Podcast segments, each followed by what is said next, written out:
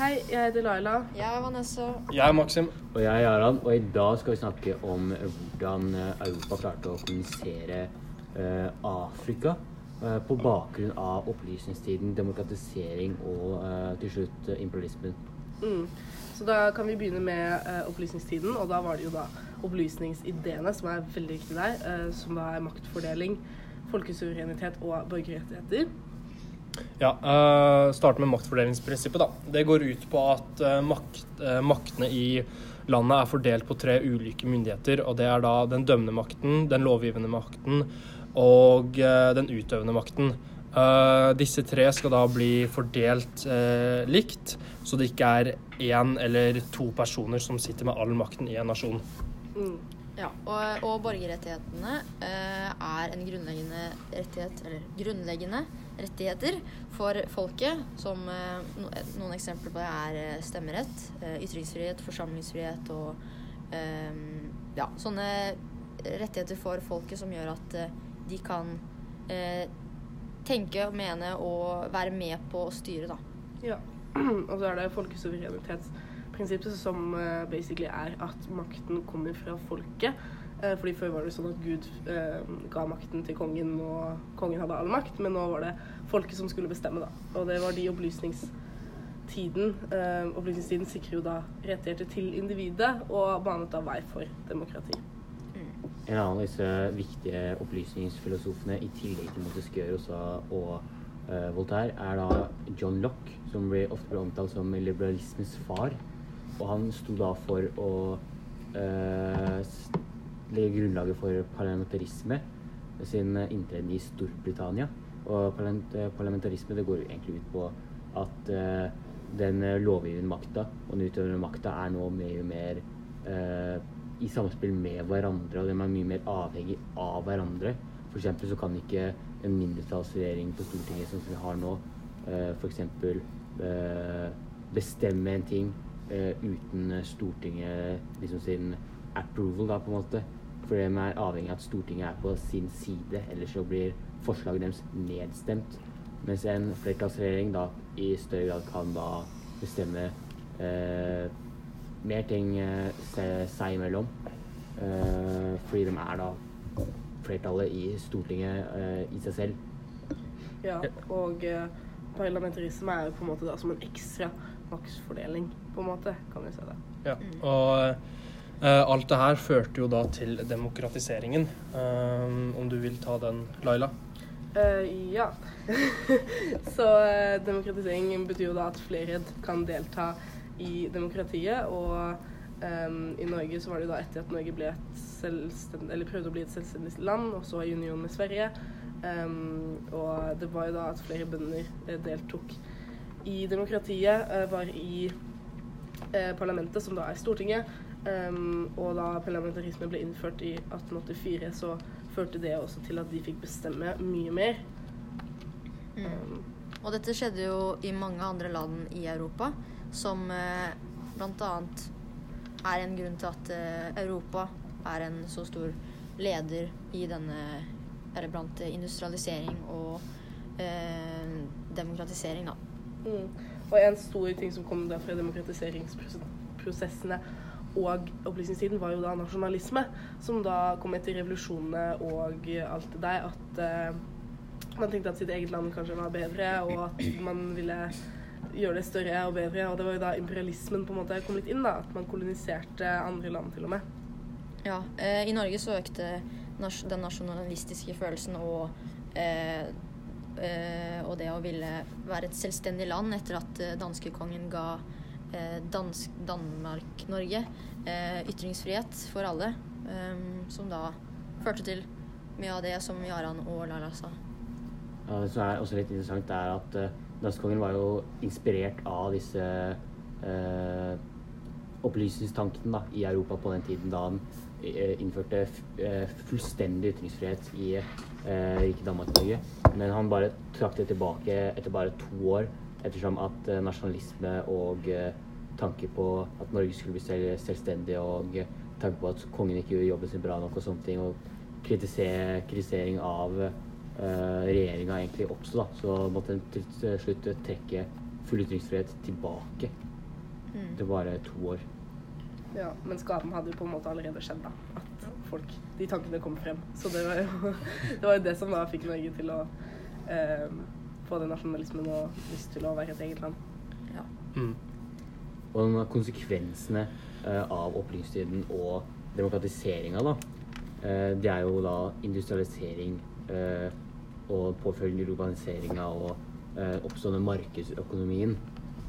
Eh, og markedsøkonomien gjorde det selvfølgelig en økonomisk gunstig å dra ut og skape disse koloniene. Eh, Det var jo også en drivkraft til å skape disse koloniene med tanke på handel mellom eh, nå private selskaper, og ikke bare handel mellom konger og osv. Og, og land imellom. Ja, det var mer eh, etterspørsel etter ulike råvarer, fordi befolkningstallet hadde økt i mange land. Og folk var mer spesialisert i, innenfor ulike ting, som da gjorde at eh, man trengte mye ressurser for å drive med eh, industri, da. Ja, mange av disse ressursene som da eh, man ikke fant der man eh, bodde i Europa, og da man heller dro ned til Afrika, eh, hvor, det mange, hvor det var mye mer minera, mineraler og steiner som uh, kunne videreføre da den industrielle uh, revolusjonen og gjøre at teknologien ble bedre og bedre. da. Ja, det var mye lettere å få tak i de ressursene også. Fordi i Europa så var det jo liksom etter en krig mellom Tyskland eller Prøysen og Frankrike, så det var jo utrolig mange som døde, og utrolig lite de fikk ut av det. Mens i koloniene fikk de utrolig mye ut av det. Um, og det var ikke sånn at de klarte det med en gang i Afrika, da. Det var litt det som var greia, at det var litt vanskelig pga. sykdommer uh, og sånn. Men ettersom industrialiseringen førte til bedre teknologi, så var de jo veldig overlegne, da.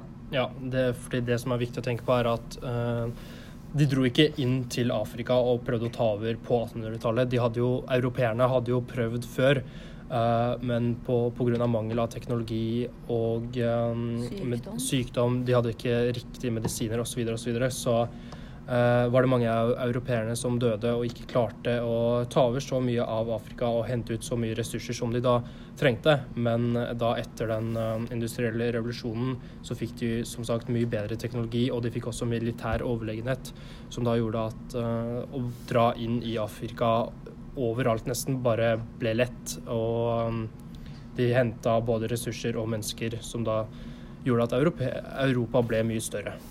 Mm. Og en annen eh, drivkraft bak eh, Europas eh, kolonisering av Afrika er jo også da eh, misjonering, og også da eh, den hvite manns byrde. Fordi at eh, mange på den tida trodde da på eh, sosialdarwinisme, som da går ut på egentlig at eh, eh, hvis det er noen som er på topp, på en måte, så tar de også utrydder på en måte, kan de da på en måte utrydde alt. Så da tenkte eh, mange at de skulle være vise, vise afrikanerne da eh, solidaritet, og de måtte liksom komme og eh, bygge opp, hjelpe dem med å bygge dem opp landet så er på deres nivå. Og de tenkte, og på grunn av bakgrunn av nasjonalisme også, så tenkte de at uh, den afrikanske kulturen var under deres egen kultur. Så derfor tenkte de at uh, det er deres ansvar som siviliserte å komme inn i Afrika og uh, bygge infrastruktur og bygge dem opp samtidig mens de utnytta alle ressursene til disse landene som fikk da konsekvenser for framtida. Ja. Og um, en grunn til at Europa også klarte å gå inn i Afrika så lett, eh, det er jo ikke bare pga. at de hadde bedre teknologi, men de hadde hatt bedre teknologi så lenge.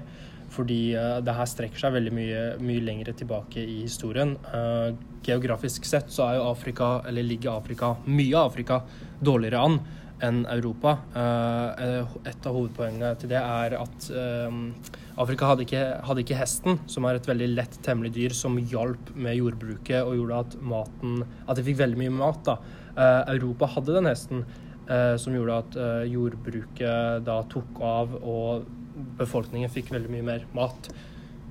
Ja, også klima og den geografiske delen, som kanskje Maxim sa i stad. Men i hvert fall så eh, er Afrika veldig langt, og de folkegruppene i eh, Afrika hadde ikke de hadde ikke klart å liksom samarbeide og danne et samfunn, slik som i Europa. Eh, og dette kan jo også sammenlignes med Sør-Amerika, når eh, europeerne koloniserte i Sør-Amerika. Og eh, det kan vi også se da i eh, Sø- Sør-Afrika, da klimaet ligna veldig mye mer på det europeiske klimaet. At eh, de stammene eh, der nede var eh, kommet mye lenger, kan man si, eh, på mange måter enn de eh, på en måte i da, som bodde i regnskogen i Sentral-Afrika. De hadde mye mer komplekse samfunn. Mm. Ja, og så får vi da ta konsekvenser av imperialismen, fordi eh, mens Europa bygde seg større, så ble jo Afrika svakere eh, og mindre. Men ehm, som sagt, the white man's burden. Eh, Europa tenkte ok, vi må hjelpe Afrika litt opp igjen. Eh, så en av tingene du gjorde, var jo å låne bort på en måte tilbake de pengene som de hadde henta ut av Afrika, tilbake til dem og si sånn OK, her har dere penger, dere kan bygge dere opp igjen. Eh, problemet var at det var mange le militære ledere på topp i Afrika som da tok de pengene for seg selv og gjorde seg selv rike.